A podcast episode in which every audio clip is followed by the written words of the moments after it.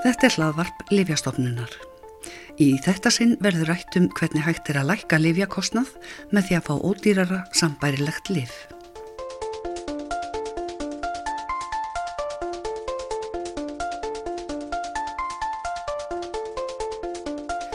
Við ætlum sem sagt að ræða um hvernig draga mig úr livjakostnaði, bæði fyrir einstaklinga og samfélag og þar koma við sögu ímis hugtök sem gott væri að henda reyður á og fá greina góðar upplýsingar. Ólaf Þórhalsdóttir er livjafræðingur og sviðstjóri umsókna og samskiptasviðs. Er einhver sérstök ástæða fyrir því að verið er að vekja aðtikli á því núna að oft sé hægt að fá ódýrara sambærilegt liv en það sem er ávísað? Já, það eh, er góðu tímapunktu núna að ekki aðtekla á þessu og eins og hefur verið því að bara í undanfærin ár, þá er það hlutverk, eitt af hlutverkum apoteka að bjóða ódýrari valkost ef að e, slíkur er fyrir hendi þegar læknir ávísar lifi og e, núnum áramótin e, síðustu þá var svo nýjung að apotek frá greitt fyrir þessa þjónustu. Það er ef þau afgreða ódýristu liv þegar slikt er mögulegt að þá fá þau smá þjónustugjald fyrir það. Og er þetta gert sjúklikum til hagspúta að þeir hafa þá valum ódýrasta valkostin og mun líka koma samfélaginu til góða. E, því með aukinni notkun ódýrari livja þá koma vonandi fleiri slík á markað. Þannig að þetta hefur bæði áhrif á já, fjármunni, almennings og samfélagsins í hilsinni eru fordæmi fyrir þessu að, að það sé greitt fyrir svona þjónustu? Já, þetta er gert í Svíþjóð. Apoteki Svíþjóð, þau fá e, þjónustugjald fyrir að afgreða liv á svo kallari skiptisgrá. En livjastofnun raðar livjum sem eru sannbærileg á skiptisgrá og hér á landi er hún byrt í svo kallum viðmjöðunar verðflokkum Þannig að Livjastofnun metur þau liv sem eru sambarileg og setur á, á skiptiskrá og þessa greiðslir eru þá álíka eins og í, í Svíþjóð. Og það sem er kannski verðt að nefna líka er að þessi tímanpunktur er líka valinn því að síðastliðin ár þá hefur hlutfallsleg sala samhættalifja eða ódýrari valkosta staðið í stað á Íslandi. Uh, og við erum með þessu að hvetja til þess að uh, auka e, notkun þeirra til, til þess að spara. Þú ert að tala um skiptisgrá, þá er þetta líf sem að ætti að virka með sambarilum hætti. Ef við tökum til dæmis panodil, e, væru þá nokkur líf í þeim flokki sem hafa þetta sama virka efni, en kannski eitthvað breytilika. Já, það er kjörið að taka svona dæmi. Uh, Grundvallar atriðið er að það er búið að meta lifin jafngild. Að þetta sé rauninni sama lif en frá öðrum framleiðanda. Uh, við tölum oft um frumlif og samdalif mm. og þá er talað um að frumlifið sé það lif sem kemur fyrst á markað og það getur verið nýlegt lif eða það getur verið margra margra áratöga gammalt lif eins og tilviki parastamól með panodil. Og þá myndum við tala um panodil sem frumlifið en samheitalif e, hafa sama virka efni og koma þá í, í kjölfarið og það er grundvallaratriði að lifið hafi sama virka efni, séu sama livjaformi og sama styrkleika en pakningastærðir geta alveg verið mismunandi og það verður að vera búið að sína fram á þá með rannsóknum að lifin séu jafngild. Hvað þýðir það að lif séu jafngild? Þá er búið að gera svona klíniska rannsókn sem kallast í íslensku jafngildist rannsókn og staðfesta að þau e, frásóast eins í líkamánum og hafi sama svona profíl að þau, þau eiga að virka eins í líkamánum. Uh, hefur á tilfinningunni að almenningu sé eitthvað smeykur við að leysa út uh, samhættalif? Hefur þið heyrt af því svona frá fólki ábátökum? Já og þetta hefur uh, allatíð heyrst. Við erum búin að vera með þetta kerfi á Íslandi núna í hátt í þrjá áratýi og hlutfall e, ódýrari livja er alltaf að aukast en betur máið döga skal og það hefur alltaf verið ákveðin e, hræðsla við ódýrari valkosti. Sumir halda þessi eitthvað verri af þeir eru ódýrari og það á bæði við um bara almenning og, og heilbrið starfsfólk en þetta er kerfi sem að öll Norðurlöndin fylgja, það eru öll Norðurlöndin með svo kallega skiptiskrá og koma þessu framfæri með einum eða öðrum hætti og Livjastofnun e, fylgir e, reglum í, í Norðurlöndunum, á Norðurlöndunum og gerir auk þess sérstatt mat ef að, að þörfur á. Þannig að það er engin ástæða fyrir fólk að, að vera hrætt við að skipta. Það er gífurlega mikilvægt hlutverk hjá legafræðingum í apotekum. Það er að upplýsa sjúklingana um þessi mögulegu skipti. Læk, læknin hafi skrifað upp á liv A en í bóði sé liv B og C og hvað sé ódýrast og sjúklingurinn getur þá tekið eh, upplýsta ákverðun hvort hann vil fá ódýrasta valkostin eða borga mismunin. Frumlifin eru oft ef að þau eru í bóði þau eru oft mun dýrari heldur en eh, sambærili liv.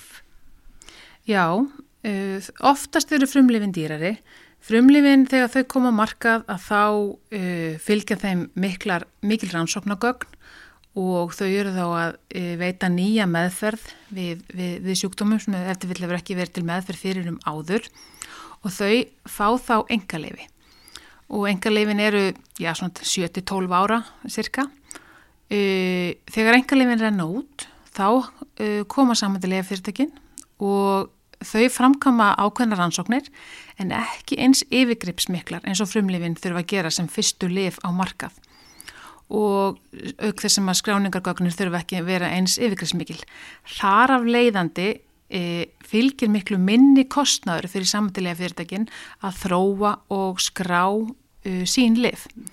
Þannig verða samtilega lifin ódýrari en með, það er ekki þar með sagt að síðan þegar sankjöfnin er komin í gang þá er það nú þannig að e, sum frumlif fara alveg í varðsankjöfni þannig að það er ekki algilt að frumlifin sé alltaf mundýrari en það er nú oftast staðan.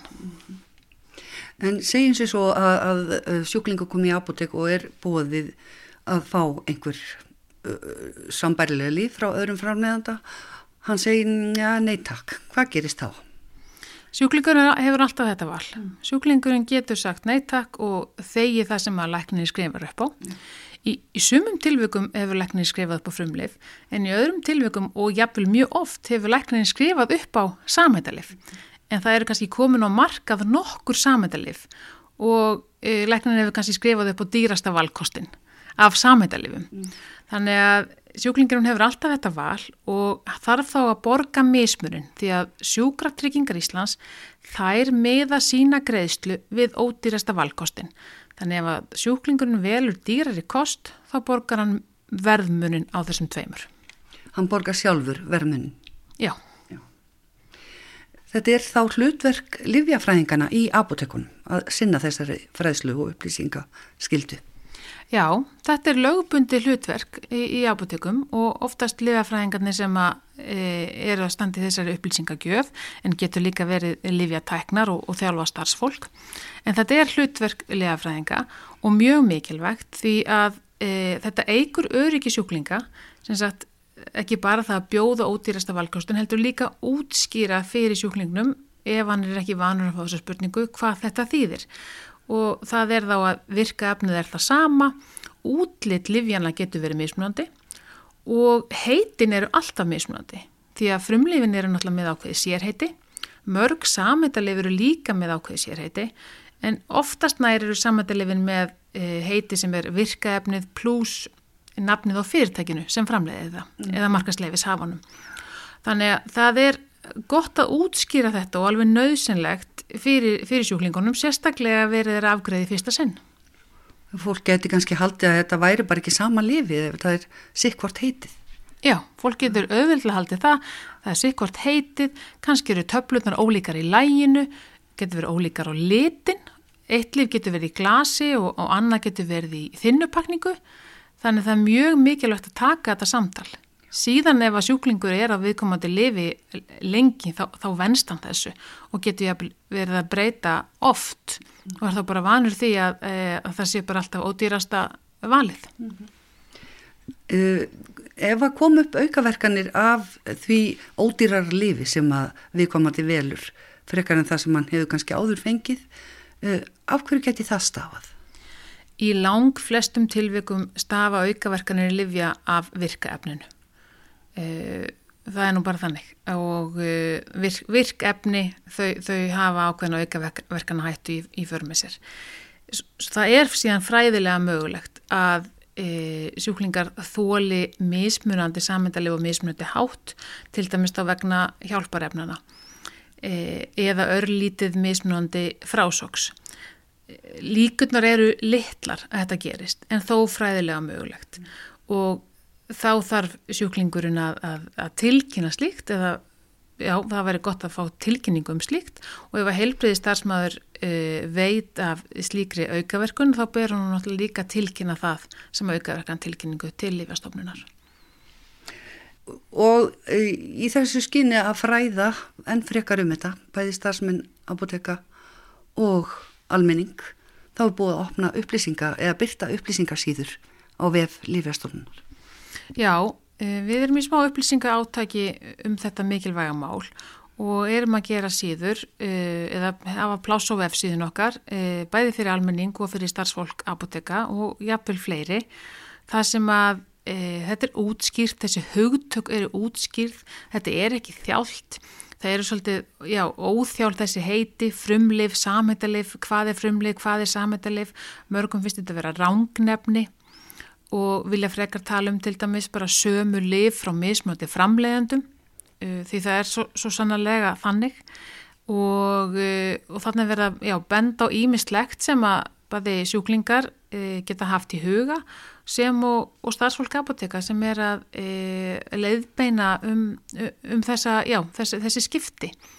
Og það er heldur ekki þjált í, í málin okkar að tala um jafngildlif eða skiptisgrá eða viðmuna verflokka mm. en ja, okkar já viðleitni á þessum upplýsingasíðum er að, er að útskýra þetta málefni. Og eins og komst það á þann þá í þessari umræðu um, um ódýrari valkost þá fylgja gætnan upplýsingar frá Lífjafræðinum um, um notkunlífja, geimslulífja og þvílikt. Já, það er náttúrulega ymsrar upplýsingar að finna við, við afgriðslu í, í apoteki og, e, og eins og þú segir, geimsluna, notkun og síðan þessi að geta skipt út í, í ódýrari valkosti.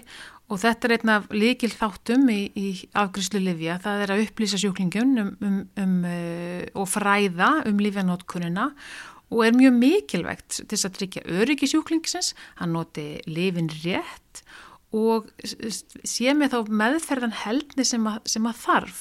Því að því miður sína rannsóknir að mjög margi sjúklingar taka ekki lifin sín sem skildi taka þau of sjaldan gleima hvernig þá nota þau uh, ef að lifin eru í einhverjum ákveðnum tækjabúnaði að þess áttar að kunna þá ekki alveg á tækin. Þannig að samtali sem á sér stað hvort sem er verið að afgreða bara hefðbundi lifi eða hvort sem er verið að skipta út lifi það, það er mjög mikilvægt